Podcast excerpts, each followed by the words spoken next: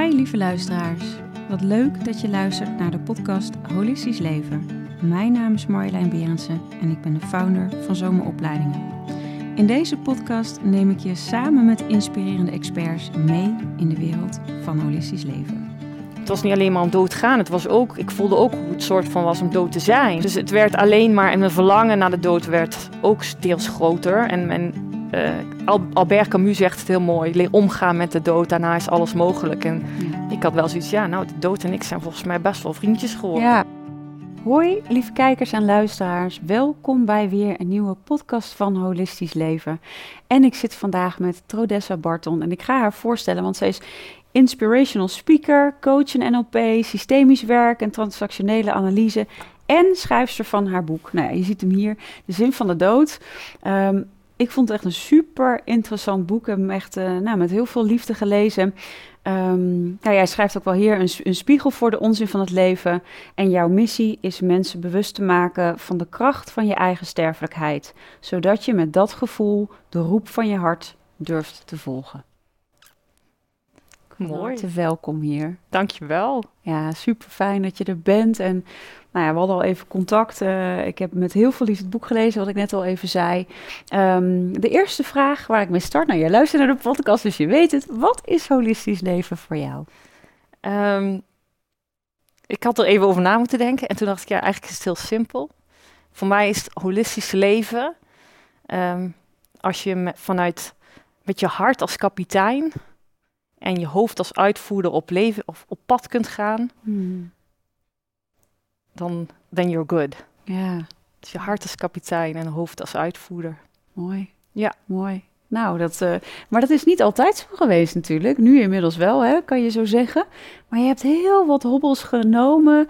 Uh, ook genomen, ja, gehad in je leven, maar ook genomen waar je nu staat, waar je nu staat, zeg maar. Waar je ook een prachtig boek over hebt geschreven. Wil je ons meenemen in de reis? Want niet iedereen kent jou, denk ik. Nee. Uh, hoe, nou, waar, uit wat voor gezin kom je? En um, ik heb denk ik geen makkelijk leven gehad. Um, ik ben wel in Nederland geboren, maar ik ben in Israël uh, in een kibbutz opgegroeid. Ja, tot, uh, tot je achtste leven. Ja, hè? ja, tot met mijn achtste, ja. inderdaad. Um, dus dat is natuurlijk een heel unieke plek om te wonen. Echt, uh, ik vind het bovenal een kinderparadijs. Ja.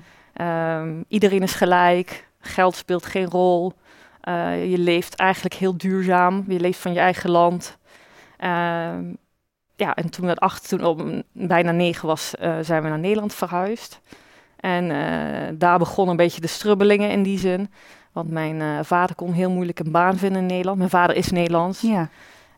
Um, dus wij hebben acht jaar in de bijstand gezeten. Ja. En dat vond ik als kind heel heftig, omdat ik in een land woonde, in een plek woonde waar geld geen rol speelde. Ja. Helemaal niet, Gewoon gewoon, niet, nee. niet. Um, kleding kreeg je gewoon tweede. Dat was gewoon, Ja. dat speelde gewoon geen rol gewoon in mijn systeem. leven. Nee, precies. Ja, En nu dus ineens wel. en nu ineens zag ik de zorgen van mijn ouders en uh, mijn vader was hoog opgeleid. En dat, uh, ja, dus ik zag zijn worstelingen daarmee. ja. En uh, al vrij snel in mijn puberteit, toen is mijn moeder heel erg ziek geworden. Met, uh, 16 was je volgens mij. ja, toen de eerste, Diagnose Dia- dementie, hè? Ja, die kwam iets later, maar de eerste was al wel al heel Ja, duidelijk Ja. dat er iets niet goed was. Hmm. Dus mijn moeder heeft, uh, is, heeft Alzheimer gehad op een hele jonge leeftijd. Ja, Dus ze was in de 40 toen ze uh, ja, de, de diagnose uiteindelijk kreeg. Dus ik heb eigenlijk uh, na mijn studententijd heb ik fulltime twee jaar lang voor mijn moeder gezorgd. Hmm. Wat echt wel heftig was, want als 22-jarige, terwijl al je vrienden allemaal op vakantie Ja. gaan en carrière maken, was ik letterlijk luiers aan het verschonen, Ja, diarree aan het opruimen, ja, eh, mijn moeder eten aan het geven. Ja, en ergens voelde ik ook, ja, dat hoort niet. hoort niet. Dit is niet... eh, Nee, dit hoort gewoon niet. Ik ben het kind en zij is de moeder. Ja. Ik heb het met heel veel liefde gedaan. En Ja. ik heb zoveel respect voor iedere mantelzorger. Want Hmm. jee, wat is dat ongelooflijk zwaar. Ja, dat is heel zwaar. Ehm, en ik kon niet, ik kon eigenlijk niet echt afscheid nemen van mijn moeder. Ze was er wel, maar ze was er niet. Ja, Dus ik heb nooit dingen tegen haar kunnen zeggen die ik wilde zeggen. Dat heb ik wel gedaan, maar ja, dat, ja, dat, ja, dat, in hoeverre dat, dat kwam, aan. was geen gesprek meer of zo.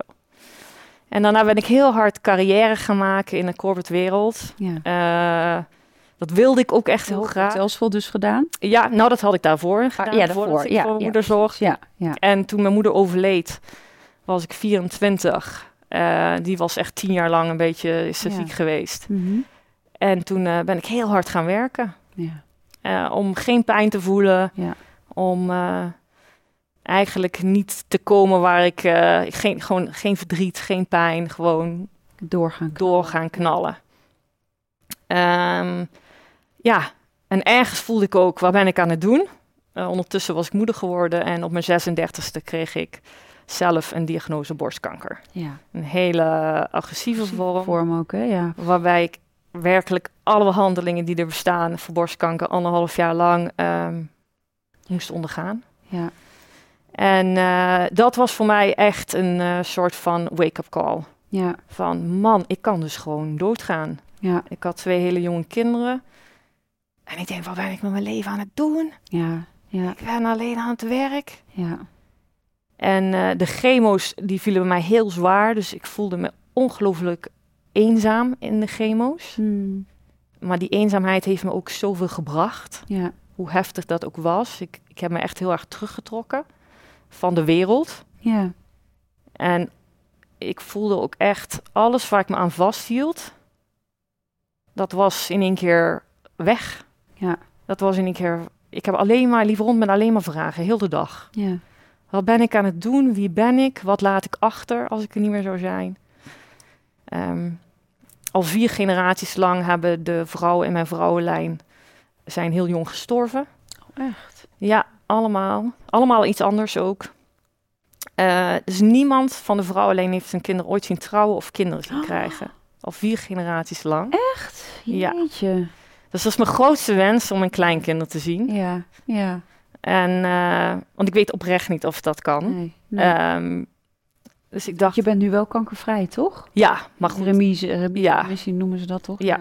you never know. Je wil Ja. niet weten hoeveel mensen ik geïnterviewd heb Ja, ik, die, eh, ik las het, ja. die eh, uiteindelijk binnen zoveel jaar het wel weer terugkrijgen. Ja, ja. er is nog niemand eh, volgens mij eh de honderd daarna mee geworden, maar Nee. het eh, het is oké. Ja. Maar ik leef heel bewust van, ik kan dus doodgaan. ja.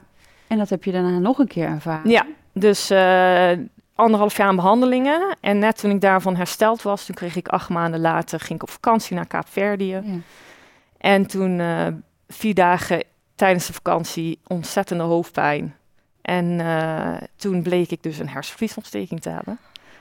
Eh, en belandde ik dus in een coma. Ja. En in Afrika. Dan zit je in Afrika, daar wil je niet zitten, kan ik je vertellen, met, zo, met een hersenvliesontsteking. Die zorg daar Nee, niet. Nee. dat wil je niet zitten. En gelukkig heeft een van de artsen na zeven dagen tegen mijn broer gezegd... Ik, wij waren ook op vakantie met mijn broer. Ja. eh, je moet haar nu weghalen, want ze gaat hier sterven. En eh, toen heeft mijn broer een ambulancevlucht naar Gran Canaria geregeld. Ja. Ehm, waar eh, Nederland zou ik niet redden. En toen ik daar kwam, zei ze, we moeten nu opereren, want anders gaat ze vannacht dood. Bel de familie maar op om afscheid te komen nemen. Ehm, Want hebben jouw kindjes je daar nog ook nog gezien? Nee, dat begreep mocht ik niet. niet. Nee, hè? nee, Ik dat dacht was wel- te traumatisch Ja. voor ze. want ik, ik dacht nog van, hé, hey, maar volgens mij zijn je kindjes niet in Gran Canaria toen in die tijd, want je hebt tien dagen in coma gelegen, toch? Ja, Eh, ja. Ja, hè? Het een beetje, de, een beetje, mijn broer zegt dat het iets langer is, omdat ik daarvoor wel leefde ik tussen, was ik half erbij, half Oh ja. niet. Ja, ja, dat was Maar eh, ja, ik heb echt vijf weken, vier weken op de IC, vijf weken in het ziekenhuis. En mijn kinderen, ja, je zit vol met buizen.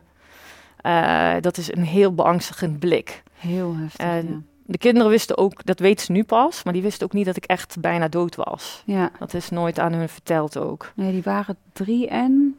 Eh drie en zes toen ik 63, kanker toch? kreeg. Kanker kreeg, ja. En eh, ze waren vier dan? drie jaar later. Ja, oh, drie jaar. Of ja, tweeënhalf jaar later. Ja, Tweeënhalf jaar later. Dus ja, uiteindelijk vijf en een half. Ja. En, eh, acht en een half. echt, eh, Ja.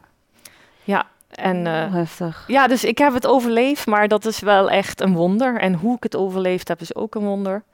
Maar ik was mentaal en fysiek er heel slecht aan toe na de hersenvliesontsteking. Ja. De kanker was er in die zin niks bij. Nee, vergeleken met de hersenvlies. Nee. Zo las ik het ook in je, in je boek hoor. Ik, ik, ik, ik- het is echt je leest het echt zo wat in één ruk uit. Want je wil meer weten. Hè? Want eerst heb je jouw verhaal en dan krijg je natuurlijk ook nog de ervaringen van, van, van de mensen die je hebt gesproken. Om, om nou, eigenlijk ook te ontdekken van ja, wat is dan die zin van die dood? En wat doe je dan als je nog maar drie jaar te le leven hebt? Je hebt zo'n mooie boekenlegger er ook in. Ja. ja, dat zet gewoon echt aan het denken. En um, even, even terug naar die, die hersenvliesontsteking, wat ik ook um, nou, heel heftig vond om, om te lezen, is dat je dus ook eigenlijk daar wel in, in een soort van ja, bijna doodervaring en, en ook een fase hebt geleefd, wat heel, wat Ja. heel heftig was, hè?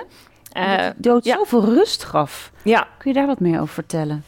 ja, ik had heel erg tijdens de kanker was ik... Ik zei altijd, ik ben niet bang om dood te gaan. Ja, Zei ik Ja. altijd. stond er, ja. Maar in, eh, toen ik eenmaal een diagnose krijg, kans op sterven... Ja, Toen dacht ik in één keer, holy, holy shit. kan dus wel. Ik kan dus wel doodgaan. En het was heel beangstigend, want ik wilde echt niet mijn kinderen loslaten. Nee, nee. Eh, dus toen werd wel er een angst wakker gemaakt. En met de hersenvliesontsteking had ik echt de inzicht, doodgaan is wel eng, maar dood zijn is helemaal oké. Ja, Helemaal oké. Als ik nooit was ontwaakt uit die coma, dan was het voor mij op dat moment. Ja. op dat moment helemaal oké. Ja, En eh, ik werd heel angstig wakker. ja, dat is, eh, Ehm, je had die buis natuurlijk nog in je... ja, ik kon helemaal niet praten, want ah, ik probeerde, want ik was heel paniekerig. Ja, Omdat ik, in, ik noemde het even in eerste instantie een coma-droom, omdat ik had gezien wat er allemaal in de kamer gebeurde. ja, En iedereen zat aan mijn lijf. Ik Ja. lag naakt op bed. Iedereen zat aan me. En ik had nul controle, kon er niks aan doen. Dus waarin je normaal, ik heb geen wit licht gezien, nee, ik heb geen engelen gezien, ik heb mijn moeder niet gezien. Ik werd heel angstig wakker. ja. eh, vanuit iedereen zit aan mijn lijf. Ik ben naakt. En wat gaan ze allemaal met me doen? Is, wat ben ik in een soort ziekenhuis, had jij zelfs, hè? Want Ja. We gaan hier... ze- Wat is dit? Wat Ja. is dit? Dit is gewoon niet oké hier. Ja, ja, En eh, mijn broers waren nog bij me. Mijn man was toen bij de kinderen. ja, En eh, toen ik wakker werd, hun ogen boden me troost en veiligheid. Maar ik leefde inderdaad een paar dagen tussen ja, echt le- letterlijk leven en dood. Wat was echt en wat was niet echt. Ik kon Ja. heel moeilijk plaatsen. Ja. En toen we eenmaal thuis kwamen, ik kon niet meer lopen. Ik had echt zo... eh, ik woog echt niks meer. Het was weer kaal, want ze hadden weer mijn haar Ik, ik lag, eh Ja, kaal geschoren. Prachtige krullen. Ja, Ja. dat ook wat. Dat deed echt heel, veel met me. veel, ja. Ik heb een heel groot gat ook in mijn, eh, in mijn hoofd van een hersenoperatie. En, ehm en langzamerhand kwam het besef van... ehm jee, maar wat is er eigenlijk in mijn coma-tijd gebeurd? Want ik ervaarde wel heel veel heimweegevoelens Ja, naar, terug naar mijn coma. ja. Eh, daar heb ik heel lang mee geworsteld. Daar heb ik echt een jaar lang... eh, ja, want ja, tegen wie zeg je dat? Niet. En Niet. je kinderen, je bent blij dat je Nee, leeft en ja. je partner hebt en dat je nog zo goed eruit bent gekomen. Ja, en ik was voor mijn boek inmiddels dus mensen gaan interviewen... Ja. tussen 30 en 55 met name... die dus sterfele, stervende waren. Ja. En bij hun vond ik zoveel troost. Ik voelde me één met hun. Hmm. De dood was, Ja. de, mocht er zijn. Ja, ja, Want voor hun was het ook vaak moeilijk om over de dood te praten en over het leven. Ja, Maar het mocht er wel zijn. Met mij mocht het er zijn. ja. En, eh, dat, en soms reed ik naar huis met gewoon jaloezie. Ja. Dat is echt heel heftig om te zeggen. ja. Zij mogen doodgaan en ik moet er nog zijn. Zo. En hoe, hoe, draag, hoe, hoe droeg je dat? Nou, heel, daar heb ik echt eh, heel veel moeite mee gehad. Heel veel om gehuild en heel veel ook wel wat therapie voor gehad. En ook wel schuldig om gevoeld misschien, zelfs een Ja, schaamte. ook. en- scha- ja, dus ja, dat ga je niet zeggen, want ik wilde niet dood. Nee, Maar er was wel een soort van heimwee naar een ultiem thuiskomen. Eh, en ik heb een jaar, bijna letterlijk op de dag dat ik ontwaakt was van mijn coma, heb ik Mhm. Pim van Lommel ontmoet. Hmm, ja.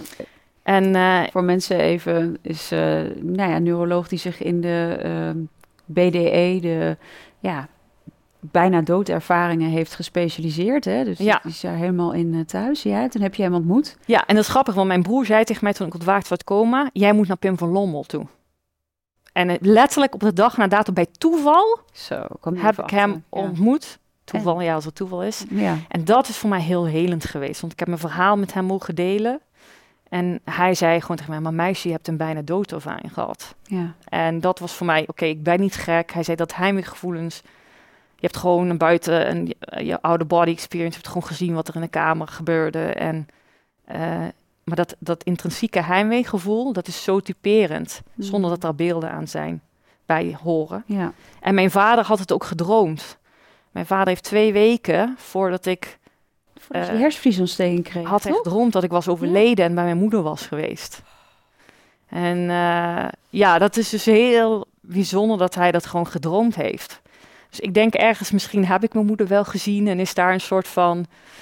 Ik denk als ik het had kon, kon herinneren dat mijn leven op aarde ondraaglijk was geweest. Ja. Ik ja. denk dat ik het niet had kunnen dragen Nee. meer. Terwijl je heel mooi omschreef dat het moment dat zij, hè, dus even spoelen even de film weer, weer terug, dat toen zij doodging, dat het moment dat zij haar met haar ziel haar lichaam eh, eh, verliet, dat jij op dat moment echt contact met haar had. Misschien nog Ja. wel dieper, Ja. waar leven en dood elkaar verbond. Dat vond ik, ik heb hem als een hoekje zo omgevouwen in het boek. Dat raakte me zo erg. Kun je daar wat op? Want daar voelde je haar heel duidelijk, hè? Ja, dat is een van de intiemste momenten in mijn leven precies. geweest. Omschreef je het ook, ja. is, eh, ik was toen mijn moeder net, wat wij vaak mensen doen als iemand sterft, dus dan roepen we meteen de verpleging erbij. Ja, Maar Ja. eigenlijk is dat de moment waar je dat even niet moet doen. ja, Is even in dat moment van ultieme stilte. Het voelt voor mij dan echt alsof de dood en het leven naast elkaar staan. En het leven echt tegen de dood zegt, je neem die persoon maar mee. ja, het is goed. Ja. Het is goed. Het is zo'n. eh, ik voelde echt zo'n verbondenheid. Ik in het leven en zij in de dood. En dat is. eh, je, voelt, je voelt, er is iets, er gebeurt iets in de ruimte. ja. En als er meteen medisch personeel bij komt en aan iemand gaan zitten, dan, dan is het meteen weg. En het is zo'n. Er hangt nog iets in de lucht en in de kamer. Ja, ik herken het hoor. Ik was bij het overlijden van mijn schoon, destijds schoonmoeder. Ja, was ook precies zo'n ervaring dat ik haar zo goed voelde. Ja, ze had een hersentumor, maar ehm, was ook echt helemaal weg gewoon. Terwijl ik op dat moment haar daarna zo voelde in, Ja. in de ziel wie ze was. ja, En zo dierbaar. En ik kan me voorstellen met, met iemand met Alzheimer is ook weg. En op dat moment is ze er weer ja. in die verbinding. Hoe, ja, hoe Dus in die zin is er. eh, soms kun je in de dood meer verbondenheid hebben dan in het leven. Ja, ja, Ja. omdat alles er niet tussen, tussen zit. Dus weer even terug, we gaan weer even doorspoelen naar... eh, want ja, ik, wilde, ik wilde dit zeggen, want je zei ook van... Het was misschien dus te groot geweest dat ik die bijna doodervaring had... eh, mijn moeder wel had gezien. Dat was misschien dat, ja, dat kon ik misschien wel niet aan. Dat was misschien wel te groot.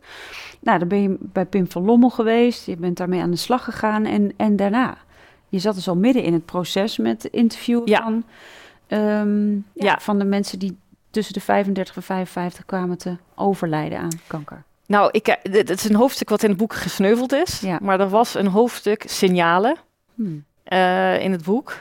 Eh, maar dat was misschien te spiritueel. Dus, maar hier in deze Ja, podcast kom, weet door. ik dat het kan. het, ja. Maar dat kan niet overal. Nee, en ik wilde vooral dat het een laagdrempelig boek zou zijn. Snap ik. Maar ehm, ik heb zoveel signalen gekregen. Dit boek hangt vast aan signalen. Ja. Ik wilde nooit schrijven. Ik vond mezelf nooit geen goede schrijfster. Als je me vijf jaar geleden had gezegd... eh, joh, je zou borstkanker krijgen, hersenvlies en een boek gaan schrijven... Ja. dan had ik echt gedacht, je hebt het over iemand anders. Ja. Ja. Maar het begon met de stem in mijn oor. Ik kreeg eh, zaterdagochtend vijf uur... hoorde ik echt een, een mannenstem. Wanneer was dit moment? Dit was eigenlijk tussen de kanker en de hersenvliesontsteking in. in. Ja. En die mannenstem. En, die, en ik hoorde poek. En fluis, was echt. En ik instinctief wist ik, ik moet een boek schrijven. Maar ik dacht, ja, ik ga geen boek schrijven, joh.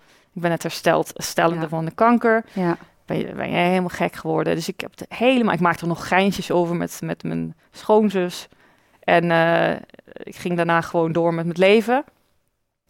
En, ehm, en toen kwamen er steeds meer eh, signalen op mijn pad tot op mijn verjaardag, eh 13 oktober. Was nog voor mijn hersenvliesontsteking. Hmm.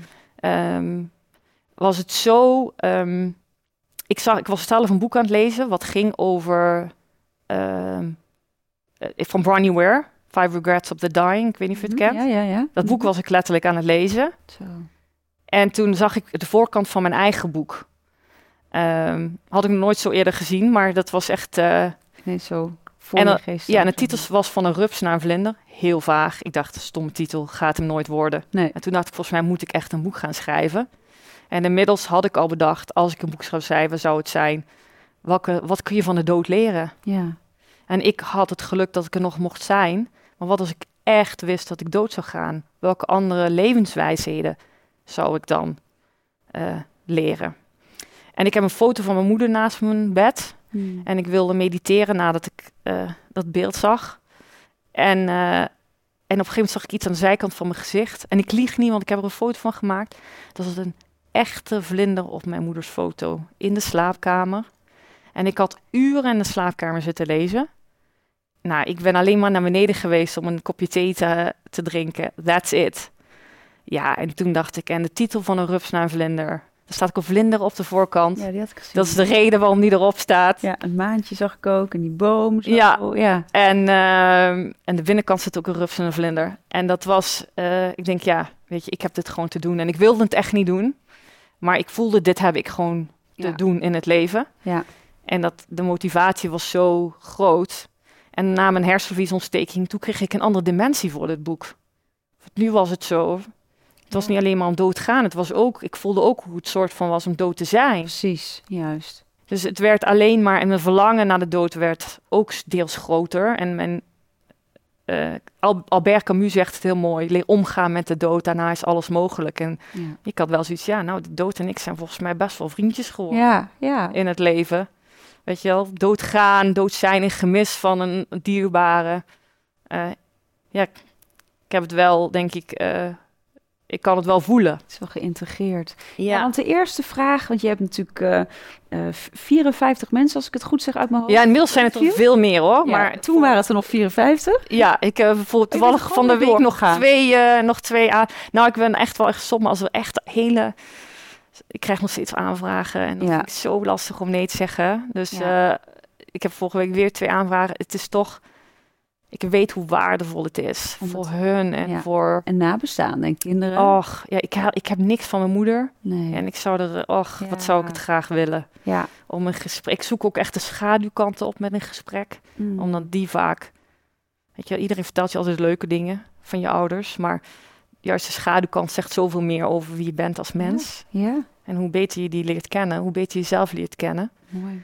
Ehm, dus die zocht ik wel altijd wel op. Met name ook gedachten voor de nabestaanden. Dus ja, ik doe het nog steeds. Het zijn inmiddels wel wel meer geworden. Maar Ja, er staan er zes in het boek natuurlijk Ja. uitgewerkt. Nou, de eerste twee die je vroeg, dat ging dus niet door. Hè? De eerste die overleed binnen een week. En de tweede, de, nou, de partnerbeeld, die stond daar niet voor open. Nou, dat heeft jou heel erg geraakt ook, hè? Mooi, mooi ook hoe je dat omschrijft. Wat was de eerste vraag die je steeds aan iedereen stelt? welke levenslessen wil je met de wereld delen? Ja. Ja. Vond ik ook echt heel erg mooi. Ja. Vond ik zo, eh, ja, dat raakte me ook wel. Ik heb, ik heb zelf een auto-ongeluk gehad, hè, zoals je Ja, dat weet. Hè. Oh. Ja, dat was natuurlijk hè, mijn, mijn eh, re, re, inca- re-integratietherapeut, sorry, mijn re-integratiecoach of eh, iemand, nee, re- revalidatiearts. God jongens, hou op schrijven. revalidatiearts, die in het ziekenhuis, die zei echt van, nou, wat zou er op je grafsteen staan? Ook een beetje soortgelijk, hè, als je nog drie jaar te leven hebt, wat, hè, wat ga je dan nog daadwerkelijk doen? Maar voor mij was het ook echt zo'n eye-opener van verrek, heb ik nou het leven eigenlijk geleid wat ik wilde leiden? Of heb ik vooral het leven geleefd wat anderen van mij verwachten? En picture perfect, maar deep down voelen, ja, maar dit is niet mijn zielsmissie. Ja, En als ik ook naar jou kijk en dat wat je hebt meegemaakt en wat verschrikkelijk heftig is, ja, zit daar ook iets in dat jij als een soort lichtwerker in het donker, of donkerwerker had ik het eh, eh, met, eh, eh, met Maarten Oversier over, Ehm, maar is om dat te verspreiden, die, die zielsmissie, hoe, hoe zie je dat? ja, zo voelt dat enorm. Het voelt echt als een, als een taak om de dood welkom te heten in ieders huiskamer. Ja, Dus ik geef ook lezingen, ik spreek ook voor grotere groepen, maar ik doe ook bijvoorbeeld huiskamersessies ja, bij mensen thuis.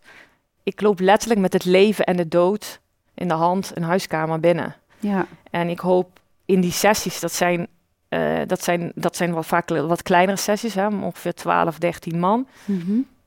Eh, ja, dat zijn zulke pure, intieme, kwetsbare momenten. En ik hoop dat iedereen daar anders wegloopt dan dat ze er naartoe zijn gegaan. Gewoon met andere perspectieven over wat zeg je in het leven tegen de mensen die je dierbaar zijn. Ik heb dat in mijn boek ook geschreven. Is na mijn hersenvliesontsteking dacht ik echt, wat als ik dood was? Ja.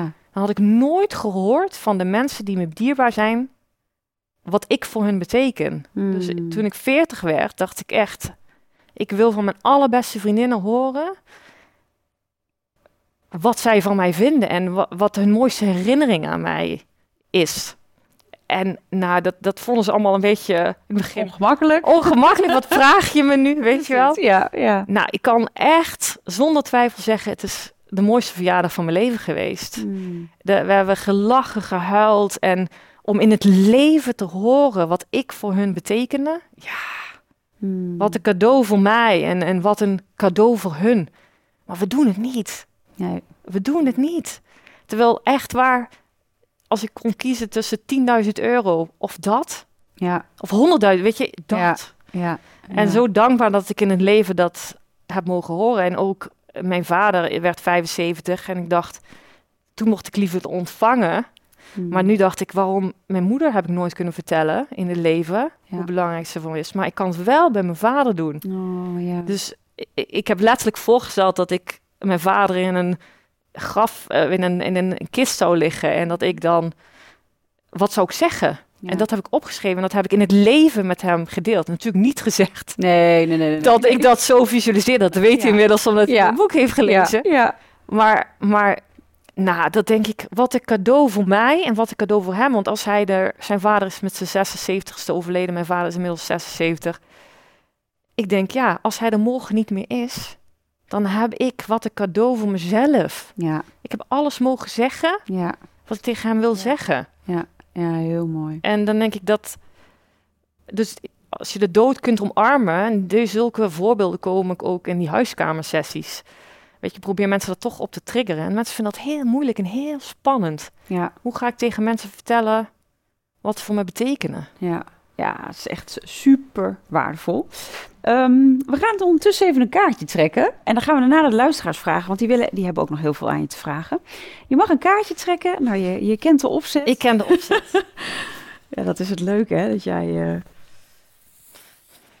dat je dit al kent. wat stel je steeds maar uit, terwijl je weet dat het belangrijk is om te veranderen? Jee. En het eerste wat bij mij opkomt, is dat ik voel dat ik een grotere podium moet pakken. Hmm. En dat ik het, eh, ik heb letterlijk nog tegen mijn uitgever gezegd ook. Ik, eh, ik, ik doe lezingen nu met name eh, max 50 man ongeveer en huiskamersessies. Omdat ik de intimiteit ook Fijn vindt, ja. heel bijzonder vind. Ik haal er nog heel veel voldoening uit. En ergens voel ik dat ik dat grotere podium eh, mag pakken. Ehm, maar ergens voel ik daar ook weerstand in, omdat ik dan weet dat je bang bent dat ik de connectie met de mensen ga eh, verliezen. En ik, maar ik weet ook dat mijn rugzak gevuld is Ja, met genoeg ja. eh, ervaringen en verhalen om wel Daar te staan. daar te staan. En dat is wel wat ik voelde, welke kant ik op moet. Nou, Maar je heb je net ook even gekregen doordat je hem zelf hebt uitgekozen. Een signaal, een signaal wat ook Ja. je, je, Ja. je, hoofdstuk had gemogen. ja, en dat stel ik wel aan, want ik ben bezig met een tweede boek. Oh, wat goed. En eh, heel anders, maar wel... eh, Waar gaat het over? Wil je iets vertellen al? ja, het is heel veel, want ik heb nog niet officieel eh, het contract getekend, maar Mhm. ehm, het is een simpelere versie van dit boek. Mhm.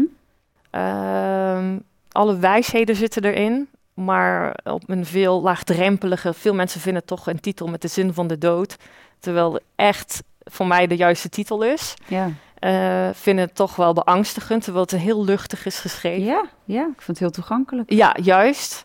Eh, en ik wil toch dan, hoe kan ik op de lessen die erin staan, wel op een andere manier Hier, eh, bij de mensen terecht Ja. komen die het toch misschien wel kunnen gebruiken. mooi. Wat is de belangrijkste les die je uit het boek zou meegeven aan mensen? is eh, hoe cliché het ook is. Want ik heb inderdaad veel mensen mogen interviewen eh, die allemaal ergens in- indirect toch ergens spijt van hebben. Ja. En ik geloof wel echt als je al vroeg in je leven de roep van je hart durft te volgen en leert volgen, hoe cliché het ook is. Echt kan bijna kotsen als ik het zeg, bij Ja. wijze van. Ja. En toch is het echt zo. Het is echt zo. Als je dat kan voelen, je kapitein, je hart is je kapitein en je hoofd is je uitvoerder. Je hebt ze allebei nodig. Ja. Maar ik geloof echt dat je dan zult ster- sterven zonder spijt. ja, echt je hart volgen. Echt, ja, wat echt. En het, het is zo ongelooflijk lastig en moeilijk. En, ik- en ik worstel nog iedere dag mee, weet je. Eh, het is ieder, ik heb onlangs medische keuzes moeten maken die echt ehm, heel complex waren. Eh, en mijn hoofd zegt één ding rationeel, zou ik één keuze, maar mijn hart zei dat ik een andere keuze moest maken. Hmm. Ja, en toch heb ik voor mijn hart gekozen, ondanks dat mijn oncoloog het allemaal, ieder, alle medische mensen vinden het geen goed idee. Wil je daar wat over delen? Hoeft niet. Eh, nee, liever niet. Dat is goed. Ja. Ja. Nee, maar gewoon, er komt... eh, Precies, je hebt geluisterd naar je hart. ik heb mijn hart geluisterd. en dat is met, in heel het medisch traject heb ik dat meerdere keren moeten doen. Ja. En dat zijn... eh, En dat heb je wel altijd gevolgd. En Ja. Kijken waar je nu zit. ja, en, en ik weet het niet. Ik heb een keuze gemaakt die misschien... eh, waardoor de kanker eerder terug kan komen. Ehm, maar ja, Dit is voor jou de keuze. dit is voor hart. mij nu Ja, de keuze. mooi, Ja. dapper. Ja. Heel dapper. Dankjewel voor het beantwoorden. We hebben heel wat eh, luisteraarsvragen, dus daar ga ik nu met, met mijn aandacht heen. Ehm, even kijken. Je hebt het over de kleine dingen van het leven. Hoe helpt dat bij grote beslissingen? Ja, ik heb het eh, in mijn boek over eh, de grootheid van het leven zit in de kleinheid van de dag. En het was me zo. eh, dat bleef bij ieder gesprek wel terugkomen. Er was een man, vond ik zo'n mooi voorbeeld, die. die was stervend en hij maakte veel muziek. En ik heb echt met hem zijn muziek geluisterd. En, maar hij zei. Vanochtend wandelde ik met de hond en ik, en ik zag de blaadjes en ik voelde de blaadjes. Weet je wel, en hoe die dat zei, weet je wel, dat dacht ik, jee ja. Of een, of een vrouw die vertelde hoe ze de cappuccino's dronk. Weet je, dat ik dacht van, ja, maar dat, daar, daar zit het hem in. In die, in die Ja. kleinheid zit de grootheid van het leven. En ja, soms moet, maar moeten we hè, grote beslissingen, kijk maar als het, als het gaat over een relatie of een verhuizing of het stoppen met een baan of wat dan ook. Hè.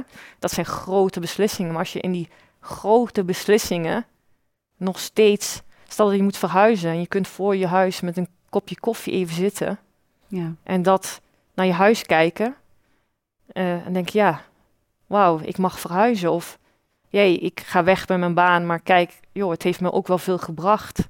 Ja, Weet je, het zit hem in die, in die grote, dus die kleinheid ook in de grootste beslissingen zien. ja, Ja, hoe moeilijk dat ook soms is. ja. Er Het is, gaat ook heel erg over in nu zijn, hè?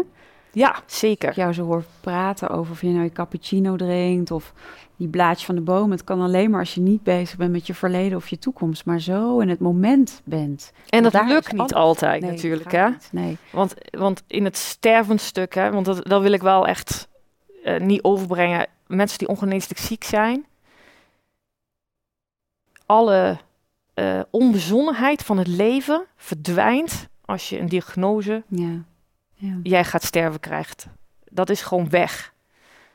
Terwijl ze wel, eh, de meesten wel kunnen benoemen wat het ze ook brengt. Aan Ja. eh, intimiteit, aan... nogmaals, ik moet wel ook statement even bij zeggen. Ik heb alleen maar mensen gesproken die hierover wilden praten. ja, precies. Niet de mensen die niet aan toe Nee. waren, die niet konden Nee, overgeven. Die heb ik natuurlijk niet gesproken. Nee. Weet je, mensen die, die ik heb gesproken hebben hier wel een bepaalde mate van acceptatie in. Want anders Ja. wilden ze helemaal niet met mij Dan gaat spreken. het niet. Nee. Dus daar moet ik wel even een kanttekening bij Dat is een goede kanttekening. Belang- Belangrijk ook. Ja. ja. ja. Maar, eh, maar de onbezonnenheid is gewoon weg. Maar, en toch hebben ze ook iets. eh, Afke zegt het zo mooi in mijn boek van... Het, wel, ik voelde me ook thuiskomen. ja. Weet je, en dat is... ehm, ja, dat ervaarde ik bij meerdere mensen ook een bepaalde ehm, dankbaarheid. Hmm. Ja, dat ze nu wel in het moment mochten leven. Maar er zitten ook heel veel angst en zorgen. Ja. En heel veel verdriet.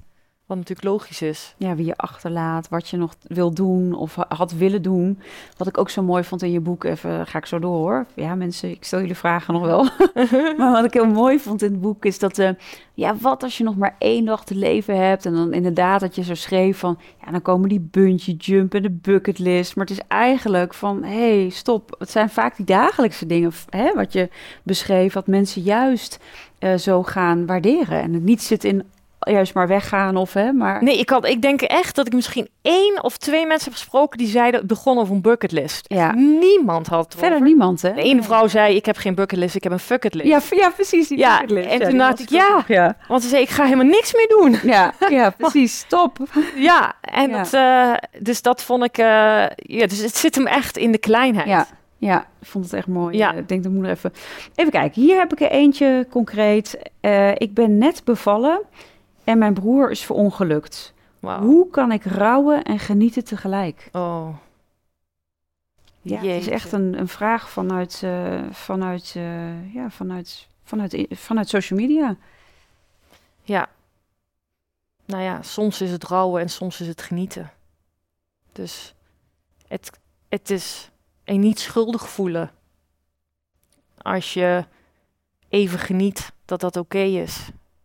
En als je even rouwt, dat dat ook oké is. Ja, En dan denk ik dat dat... We zijn een maatschappij waar alles maakbaar bijna is. Eh, de pijn mag er niet meer zijn. Ehm, maar pijn is onderdeel van het leven. ja, En jeetje, wat een, wat een vreselijke situatie om in te zitten. En ik denk niet te vechten tegen de emoties die er zijn. Gewoon als er verdriet is, is er verdriet. En gewoon laten zijn. En als er vreugde is, die ook te laten zijn. Want de verdriet komt daarna vanzelf. ja. Na de vreugde komt er ook weer, of na verdriet komt er ook weer een keer vreugde. En dat kan misschien honderd keer op een dag variëren en veranderen. Het is allemaal gewoon oké. Ja, mooi. Ehm, even kijken. Eh, je vertelt over uitspreken naar je geliefde, maar ik vind het heel moeilijk. En mijn partner kan me hierin niet altijd volgen. Wat nu? Ja, die, daar krijg ik dus Ja? in huiskamersessies Ja? inderdaad ook veel. Ja. Ja. mensen vinden dat heel lastig om uit te spreken wat ze van de ander vinden. Ehm, soms zeg ik, soms hoef je het niet uit te spreken, soms mag je het gewoon opschrijven in een brief. Als jouw behoefte is.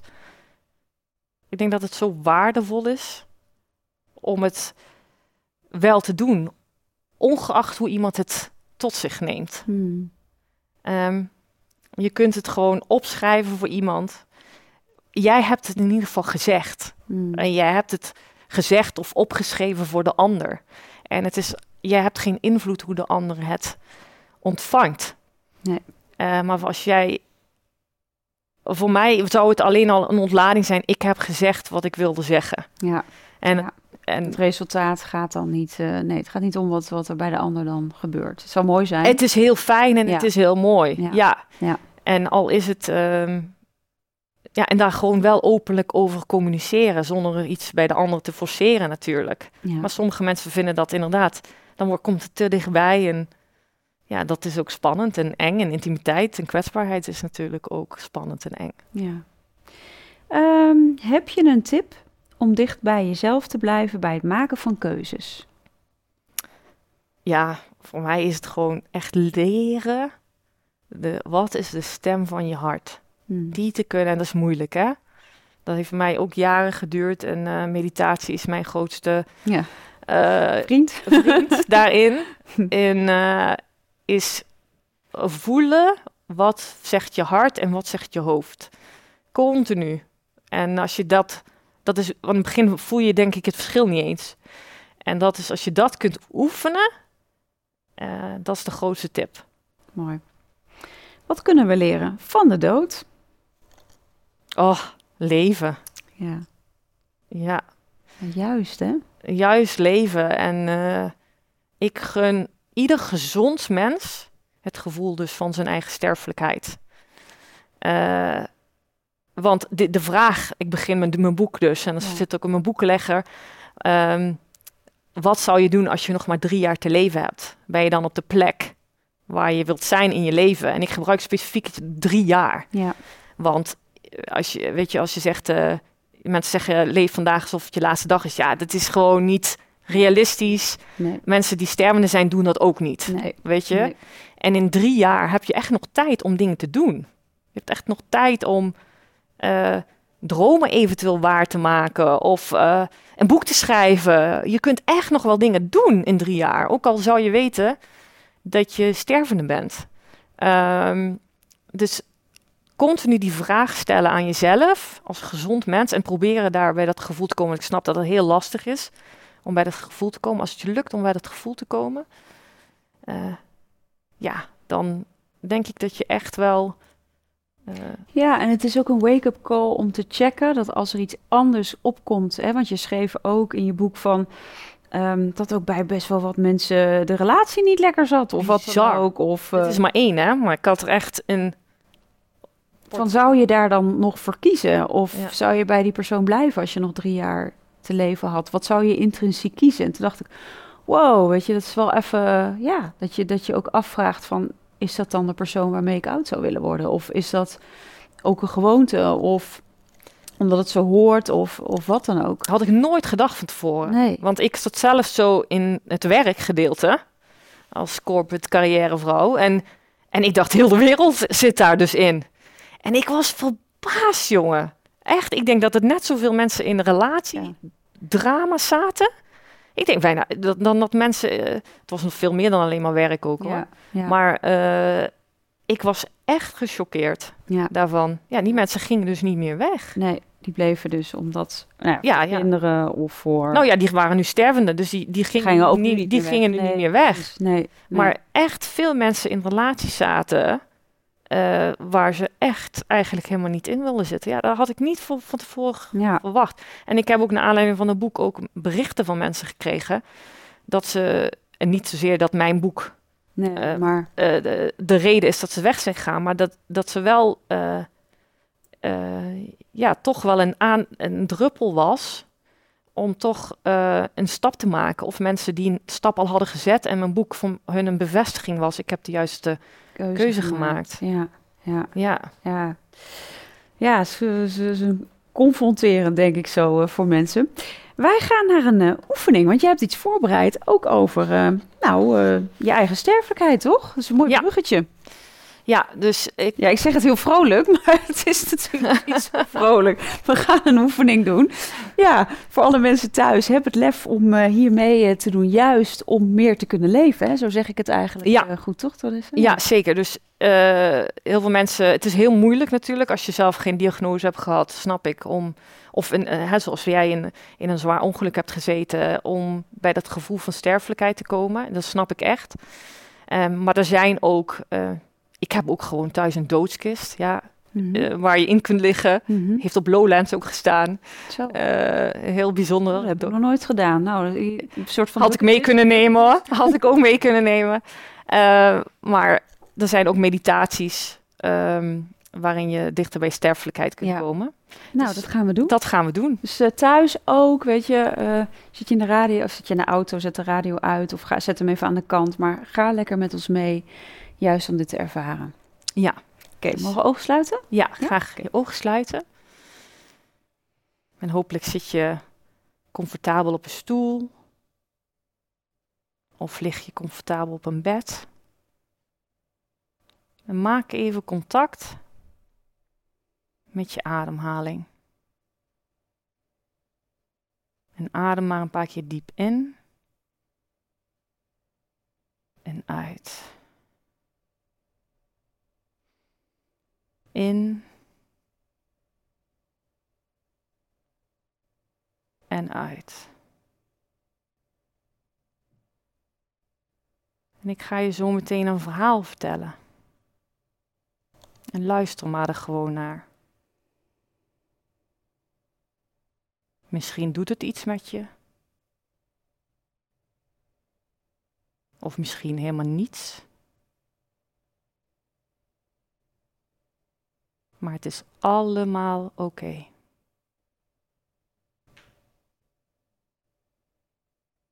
Je voelt je namelijk al een tijdje niet zo lekker. Je bent zo ontzettend moe. Je wilt het liefst de hele dag slapen. Om die reden heb je onlangs onderzoeken in het ziekenhuis laten doen. En vandaag is de dag dat je de uitslag krijgt. Onderweg naar het ziekenhuis zie je alle auto's, de gebouwen, de stoplichten. En als je het ziekenhuis aankomt, loop je naar binnen. Je ziet alle mensen voorbij lopen. En jij loopt naar de afdeling waar je moet zijn. Je gaat zitten op de stoel. En kijkt naar de mensen om je heen. Waarom zitten zij hier? Je pakt een tijdschrift om je gedachten te verzetten. Ergens voel je van binnen dat het niet helemaal goed is. Ineens hoor je je naam. Je staat op, loopt naar de arts. In zijn spreekkamer zijn de muren wit. Er hangt van alles op de muur. Je gaat zitten. En de arts kijkt je doordringend aan. We hebben de uitslag van al uw onderzoeken. Maar helaas heb ik slecht nieuws voor u.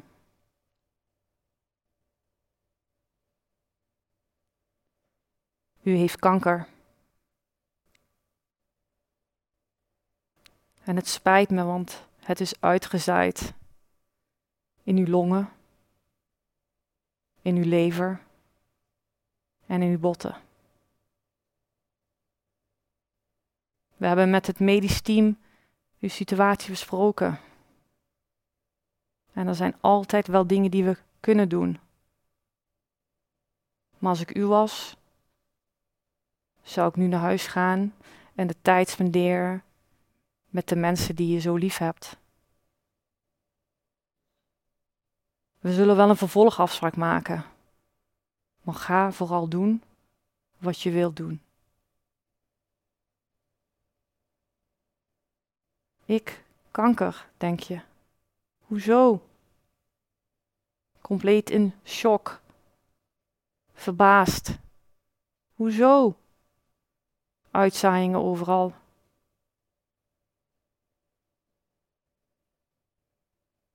Je geeft de dokter een hand.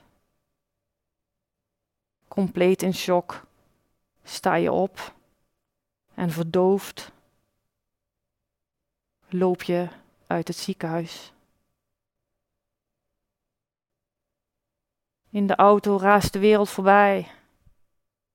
Ik ga dood. Hoezo? Je komt thuis. Wie ga je als eerste bellen om dit nieuws te vertellen? Uitgezaaide kanker. Voor je het weet zit je huis vol met mensen. Iedereen zit in tranen. En jij denkt alleen maar, hoezo?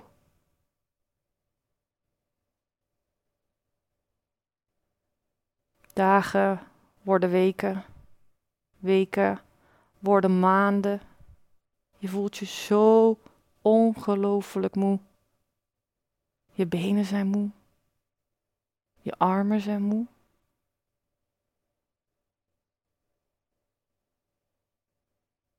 Je kijkt terug naar je leven. Wat heb je allemaal gedaan in het leven? Wat had je allemaal nog willen doen? Maar wat kan nu niet meer?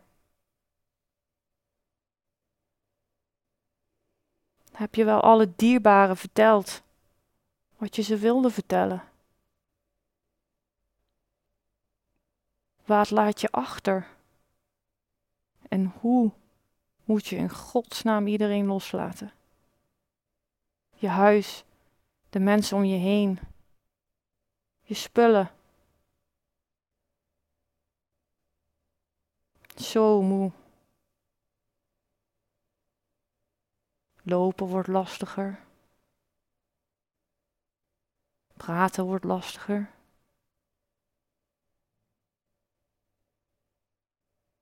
Je ligt in bed. Wie staat er naast je?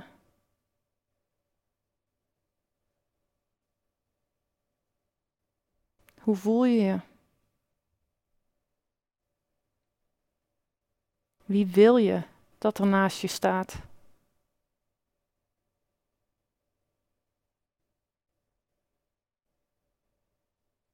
Je ademhaling wordt langzamer.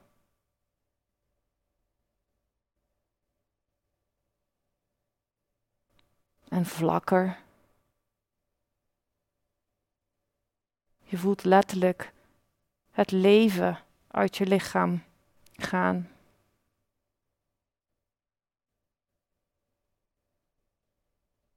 En met een laatste diepe zucht blaas je het leven uit je lichaam.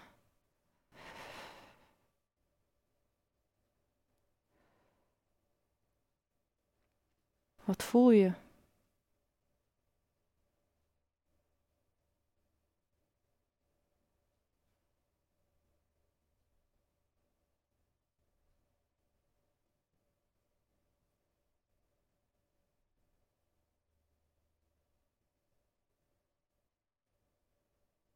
Gelukkig is dit maar een verhaal.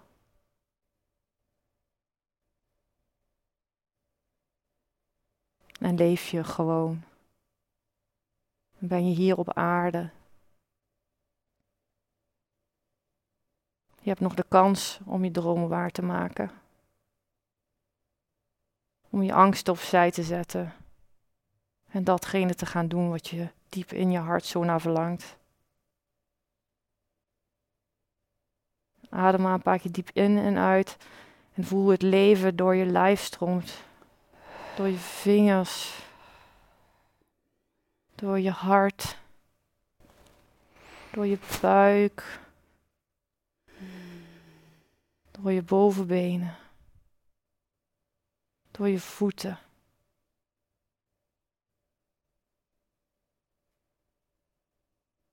En als je klaar voor bent, dan mag je je ogen openen.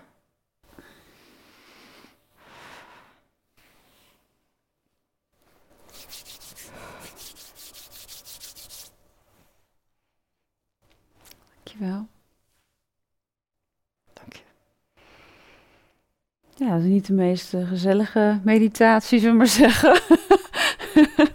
maar uh, ja, nee, maar het is wel... Um, de ongezelligheid van de... De ongezelligheid van het leven, wat maakt dat je... Uh, ja, wat maakt dat je wel weer even daarna dat leven ook weer voelt in je lijf van... hé, hey, maar verrek, ik ben niet dood. Ik heb nu nog alle kansen. Ik kan nu nog doen wat ik wil.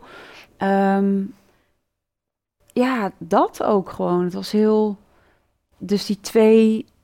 Ja, je laat die dualiteit daarin ook heel erg voelen. En dat vind ik juist ook heel mooi. Dus uh, um, dat het leven niet altijd een joepie-achtig feestje is. Maar dit is wat we allemaal gaan feesten. Dus je kan maar beter al dood zijn gegaan hier op aarde eerder. Ja. En daarna uh, de dood omarmen. Maar dat zeg ik natuurlijk even hè, vanuit ook, ook mijn. Uh,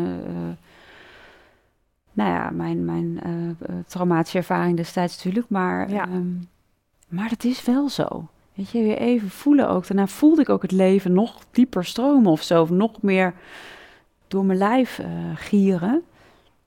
Vaak, vaak mensen die ook angstig zijn voor de dood, als ze deze oefening doen, voelen ze ook heel veel rust bij de dood. Ja. Waardoor ze ook Ja. voelen, oké, ik dat, voelde ook rust hoor. dat eh, de dood staat symbool voor, eh, voor rust voor vaak. Ja, En er zijn heel veel mensen die ook onbewust een verlangen hebben naar de dood. Onbewust zeg ik, ja hè? onbewust, ja. Ja. ja.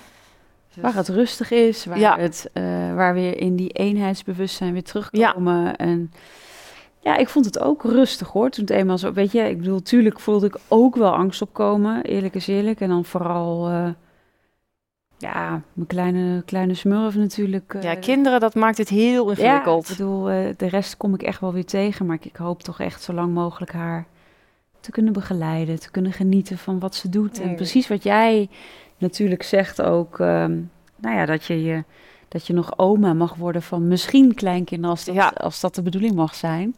Ja, dat, dat, dat, dat heb jij natuurlijk met die generaties die pijn vanuit epigenetica natuurlijk niet meegekregen. Dus ik, ik gun je ook ja, zo dat dat gaat gebeuren. Ik Maar hoop dat ik heel veel generational trauma heb, Ja, eh, heb opgeruimd. opgeruimd. Ja. Maar goed, you never know. Ja, maar dat, dat is ook waar dit over gaat. Ik voel wel dat dat, ja, dat, dat, dat is wel eh, dat ik eh gunde nog, ja, nog ook heel lang te kunnen zijn. Om van haar te genieten. Natuurlijk van iedereen hoor, ik bedoel, maar Ja, zeker. kind is natuurlijk ja, extra. ja, kind ja, is echt... is extra. daar voelde ik ook verschillen met de mensen die ik interviewde... die geen kinderen hadden en wel kinderen Ja? hadden. Ja, dat voelde ik echt. Dat was, Waar zat het verschil in? Ja. ik het ga invullen in mijn hoofd. Nou, gewoon eh, mensen die kinderen hadden. Ik heb natuurlijk vrij jonge mensen geïnterviewd, dus die hadden ook Ja. met name jongere kinderen. Ja. ja, om hun niet te zien groot worden. Ja, dat, dat, dat was. eh, die ging, zij gingen ook door en door en door Ja. door met behandelingen. Ja. En eh, wat ik helemaal begrijp. Ja, Terwijl je eigenlijk dacht, oh man, ja, je vecht maar door. echt. Ja, Ja. want je- Ja. voor je kinderen eigenlijk. Hè? Ja. En, ehm, en dat ik voelde bij mensen die geen kinderen hadden, dat was. Het voelde voor mij misschien ook omdat het mijn eigen overdracht was, omdat ik zelf kinderen heb. Ja. Dat kan ook. Voelde ik wel een, eh, iets meer een berusting Ja. om het achter te laten. ja, terwijl je in wezen eigenlijk iedereen dat gunt, die berusting. Ja, zeker, Ja. zeker. Ik heb Ja. kankerpatiënten mogen begeleiden toen ik nog zelf praktijk had. En ja, er was één vrouw die een ongelooflijk veel indruk op mij heeft gemaakt. Die, die kwam op het moment dat ze diagnose kreeg. En ze is anderhalf jaar elke week bij mij in de praktijk geweest. Maar zij ging dus wel dood. Had Ja. hele jonge kinderen. Hmm. Wilde echt niet dood. En nou ja, weet je, dus we hebben er natuurlijk allemaal dingen ook in, in, in geprobeerd. Dat ik nou ja, haar ook zo gunde dat de kinderen iets van een doosje of iets achterlieten. Nou, later was ze overleden en haar man die was zo boos op haar. Het was zo heftig en zo intens ook om dat te voelen. En ja, ook de kinderen zeg maar daarin. Hij was boos op haar omdat ze stierf, bedoel je? Of- Nee, omdat er niks was nagelaten. Oh, niks kinderen. Oh, ja. Dat hij zei, ja, ze stopten het weg. We hebben hele mooie sessies gehad ook. Uiteindelijk Ja. met de kinderen. Het was uiteindelijk wel een heel mooi proces. Vond het echt heftig ook, eerlijk is eerlijk. Eh, ehm, maar dat ik gewoon voelde dat ergens in mijn hoofd had ik dat ook geromantiseerd. Maar zij wilde gewoon echt niet dood. En wat ik begrijp als je twee van die jonge eh, ja, kinderen om Ja. heen hebt. En dat ze ook echt niet iets wilden eh, maken voor hun als ze 18 werden. Of zouden ze gaan trouwen. Of als een, een kleinkind zou geboren worden. Wat dan ook. Maar het, ze kon het gewoon echt niet. Dus we hebben dat ook daar dus aandacht aan gegeven aan die schaduwkant. En uiteindelijk was dat dus ook voor, nou, voor, voor haar man, die dus alleen achterbleef met de kinderen en de kinderen ook, was dat heel mooi om die ervaringen te spreken. En dat wat jij hebt gezegd ook, hè, met je huiskamersessies en, en vergroepen wat je staat en, en wat je dan aangeeft van zeg de dingen in leven. Ja. Voor mij voelde het een taak alsof ik dat wat zij niet kon, dat ik dat mocht afmaken. Dus Ja, ik heb haar woorden, wat ze in die anderhalf jaar heeft overgebracht, over de man en over de kinderen kunnen, kunnen, kunnen delen, waardoor het soort van rond was of zo. Ja. En daarmee voelde het toch alsof het dan nog op het eind klopte. En dat, ja, dat vond ik zo intens. Heel bijzonder. En, Ja. en, en een cadeau van onschatbare waarde. Ja, Echt. En, en daar ook onderdeel van te mogen zijn en, en dat te mogen doen. En natuurlijk had ik het liever anders gehad dat het gelijk zo was. Maar dat ik in ieder geval toch al was zo'n klein stukje in ieder geval dat kon helpen afmaken. Dat ik denk, ja, poeh, nou, is niet niks. accepteren dat je doodgaat, Ja, dan biedt ruimte voor afscheid. ja, maar dat cognitief weten en het doen, er zit een Ja. gigantisch verschil. Ja, ja, ja, ja, ontzettend. Er zijn heel weinig mensen die iets achterlaten. Ja, Ja, en ik weet, ik heb vanuit zelf mijn eigen gemis, omdat ik ook niks had. ja, precies. Hè, weet je als geen ander hoe dat hoe is? pijnlijk dat is. Dus daarom, ik, heb, ik kan echt voelen, weet je, ik heb een boek waarin mijn levensverhaal. Ja, Dit is uiteindelijk een versie, maar er zitten nog tig hoofdstukken Ja. hieraan vooraf die allemaal gesneuveld zijn, Ja. waar nog veel meer informatie in staat. Die heb ik allemaal voor mijn kinderen. precies. Ik ja. heb, eh, weet je, al deze podcasts dragen bij aan mijn stem en aan mijn lichaamstaal voor mijn kinderen. Ik heb mijn man al geïnterviewd. Ja, Ik heb mijn vader geïnterviewd op beeld en op eh, om gewoon als er iets is, dan hebben mijn kinderen. Ik heb een afscheidsbrief al voor mijn kinderen geschreven. Mm. They're good. En ik hoop nog 50 afscheidsbrieven te mogen schrijven. ja. Maar ik ja kan ik heb echt ook al wat geschreven. Ja. ja, ja, Denk ik van, het is echt zo. Ik zou willen dat ik het had. ja. Snap ik. Heel Ja. goed van je moeder. Ja, ik bedoel, Ja. poeh. Was, eh, ja. We gaan naar het einde van, de, van alweer de podcast. Poeh, het was een, eh, een heftige, een mooie, een die me raakt, een die binnenkomt ook.